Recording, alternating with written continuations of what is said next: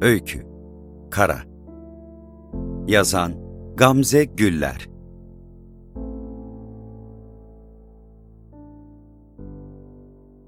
Anlatacağımız hikaye oldukça sıradan aslında. Bir adam var, bir de köpek. Olaylar onlarla ilgili. Köpeğin adı yok ama apartmandakiler ona kara diyorlar. Çok da kara değil aslında. Bir iki kara lekesi var, o kadar. Onun dışında sarımsı kahvemsi bir renk. Belki o karalıklar da kirdir. Yakından görmedik. Ya da çocuklar koymuştur bu ismi, kim bilir. Çocukların tuhaflıklarına akıl sır ermez. Adamın adı başka ama ona da B diyeceğiz. Öykülerdeki isimler hep eskide kalmış diye bozulanlar var. Öykü kahramanı Bulut, Berke, Buğracan olur mu? B diyelim, geçelim şimdilik.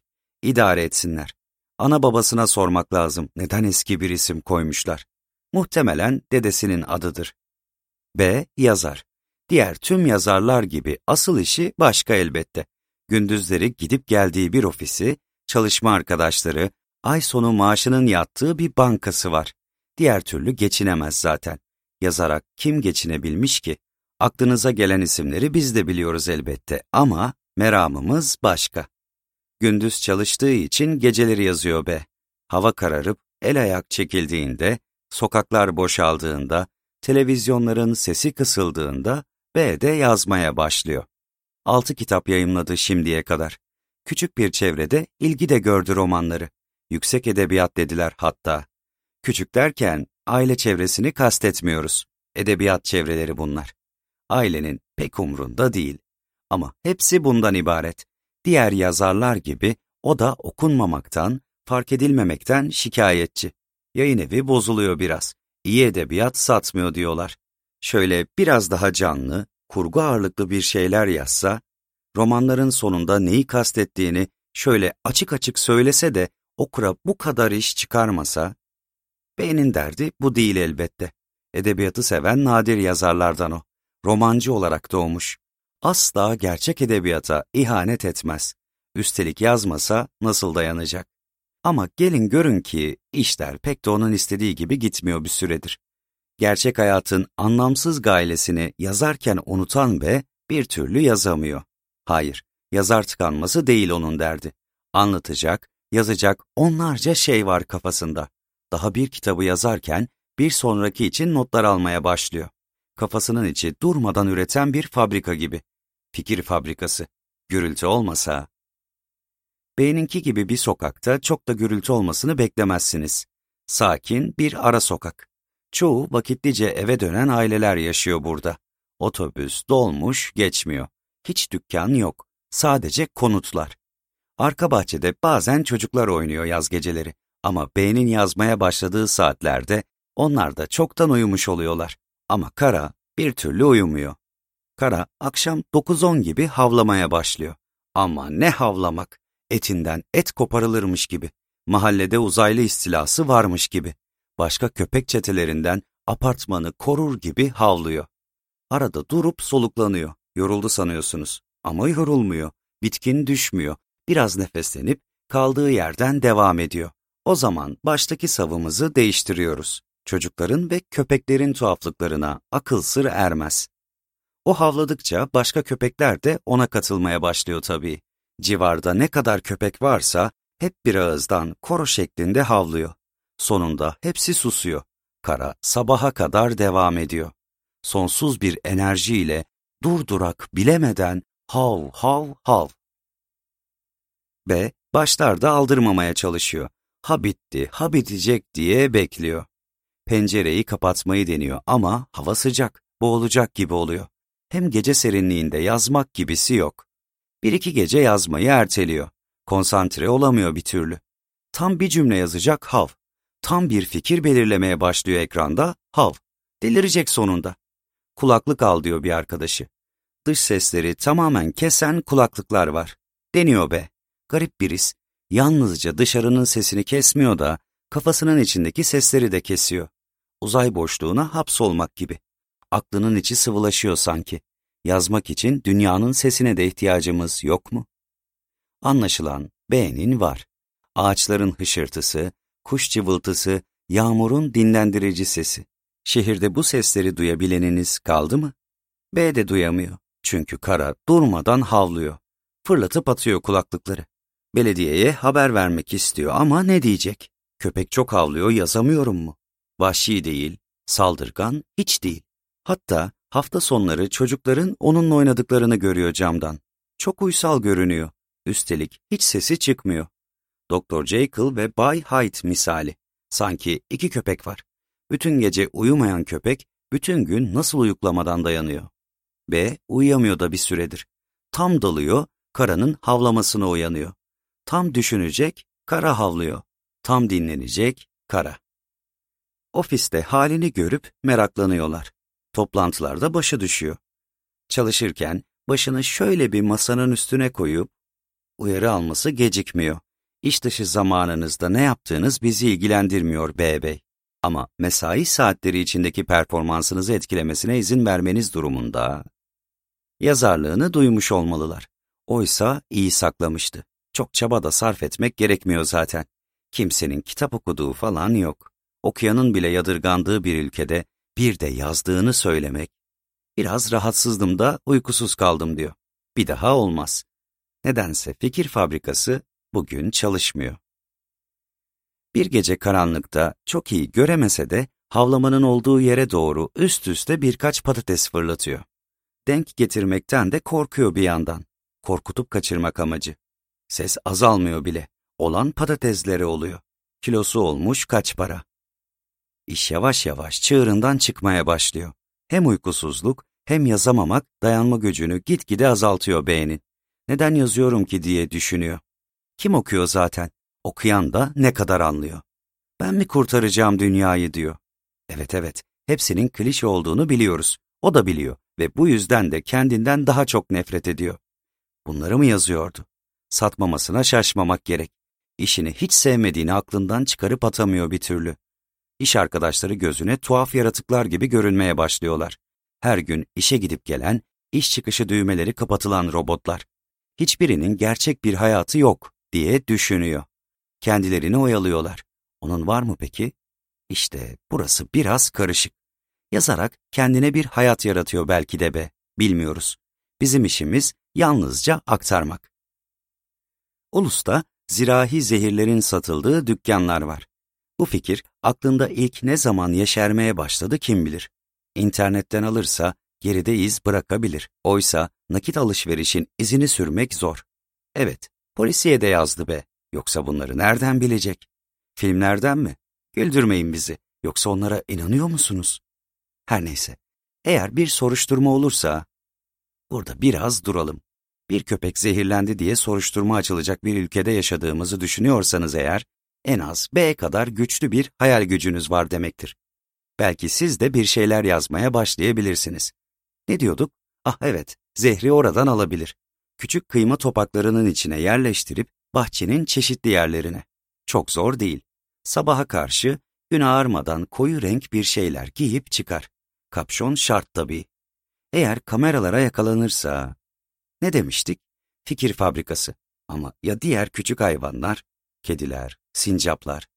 Hiç sincap gördünüz mü bu şehirde? Neyse, şimdi konuyu dağıtmayalım. Neden apartmanda ondan başka kimse şikayetçi değil bu durumdan? Bu aklına takılıyor bir süredir beğenin. Her gün zombi gibi işe giderken güle oynaya dairelerinden çıkan apartman sakinleriyle karşılaşıyor. Hepsi uykusunu almış, bol proteinli kahvaltısını etmiş. Toraman çocuklarının yanaklarından öpüp işe gidiyorlar. Günaydınlar, iyi haftalar, havada uçuşuyor. Herkes nasıl da mutlu. Kimse farkında değil. Görevlinin de ağzını aradı birkaç kez. Şu karada amma gürültücü değil mi? Susmak bilmiyor kerata. Ha öyle mi? Farkında değilim. Sağ olsun koruyor bizi. Çöp var mıydı? Kara onları neden koruyor? Saldırı altındalar mı? Şehrin en güvenli sokaklarından biri burası. Aklımda komplo teorileri. Bebeği uyuyan, hastası olan, yaşlı da mı yok apartmanda? Kimse uyumuyor mu? Onun bilmediği bir şey mi biliyorlar? Olayların şekil değiştirmeye başladığını fark etmişsinizdir. B, kafasında koruma olayını bir adım daha ileri taşıyor. Çözülmesi gereken bir sorun çözülemez bir bilmeceye dönüşüyor hızla. gün boyu düşünüyor be. Sonra biraz uyukluyor. Uyanıp yine düşünüyor. Çalışmak mı dediniz? Yok.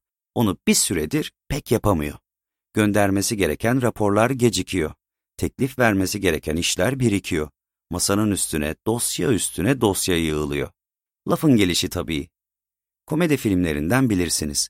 Kahraman bir süre sonra dosyaların arkasında görünmez olur. Bilgisayar çağında böyle olmuyor tabii. Mesaj kutusu dolup taşıyor diyelim. Telefon durmadan çalıyor, çalıyor. Sanki kara gün boyu masasında da havlıyor.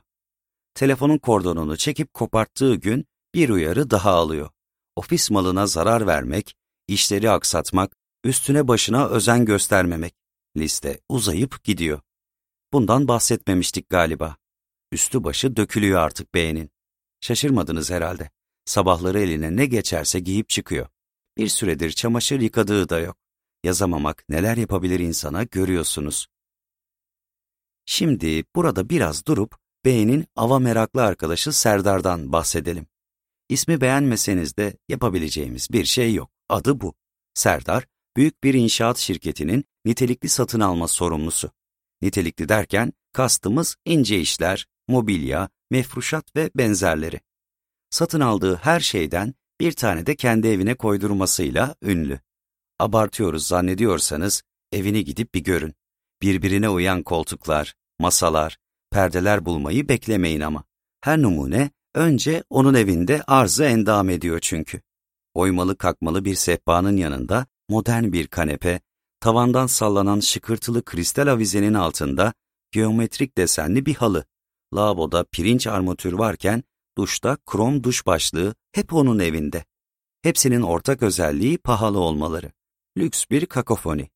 Ve onunla nasıl arkadaş olmuş derseniz, lütfen erkeklerin askerlik anılarını dinlemekten ne kadar sıkıldığınızı unutmayın ve bu konuyu hiç açmayın. İşte bu stereotip kişilik elbette hafta sonlarını avla değerlendiriyor.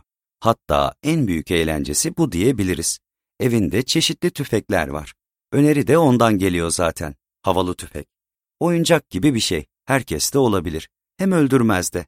Yani büyük ihtimalle. Kara, büyüyecek bir köpek ne de olsa. Pencerenin gerisine gizlenip tek atışta. Ve biraz şaşkın. Ya saçmanın geliş açısı hesaplanır da. Ama kendi tüfeğini satın alması gerek. Malum parmak izi falan. Siz hala orada mısınız? Pes doğrusu. Tabii ki bunların hiçbirini yapmıyor be. Sadece Serdar'la arkadaşlığını yeniden gözden geçirmesi gerektiğini kafasının bir yerine not ediyor. Kendine geldiğinde düşünecek bunu. Dinlenebildikten sonra. Ama tüm bu düşünceleri kafasından kovalayamıyor bir türlü. Kara durmadan havlarken geceler boyunca plan yapıyor be. Arada bir yorgun düşüp uyukladığında vahşi rüyalarda görüyor. Kara ile alt alta üst üste yuvarlandıkları ve onun boğazını kendi elleriyle... Başka bir rüyada bu kez bir Rambo bıçağı var elinde. Bir diğerinde araba çarpıyor karaya. Bir başkasında... Uyuyamayan biri için ne çok rüya. Unutmayın, yaratıcılığın en güçlü olduğu zaman uykuya dalma anları. Bu kısa, verimsiz uykular bir canavar yaratıyor B'den. Hiçbir şey yapmadan düşünüp duran bir canavar. Söylemiştik, fikir babası. Bir pazar günü öğle vakti, nadiren uyuyabildiği, neredeyse bayıldığı saatlerden birinde vahşi havlamalar ve çığlıklarla uyanıyor. Kısa uykularında da hep böyle şeyler yaşadığı için önce ne olduğunu anlayamıyor. Seslerin arka bahçeden geldiğini fark edince pencereye koşuyor. Kara ve gerçekten siyah, dev bir köpek boğuşuyorlar. Diğer köpek dişlerini karanın boğazına geçirmiş. Kara çırpınıyor, inliyor. Görevlinin kocaman bir sopayla vura vura onları ayırmaya çalıştığını görüyor be. İnip yardım etse mi? Ne yapabilir ki? Ama bu gidişle dev köpek karayı parçalayacak. Bir süre sonra arbede sona eriyor. Apartman sakinleri karayı çekip alıyorlar diğer köpeğin altından. Sahibi koşarak gelip köpeğini zapt ediyor. O zaman bir Doberman olduğunu fark ediyor be. Herkes birbirine bağırıyor. Çocuklar ağlıyor. Karayı kaptıkları gibi veterinere götürüyorlar.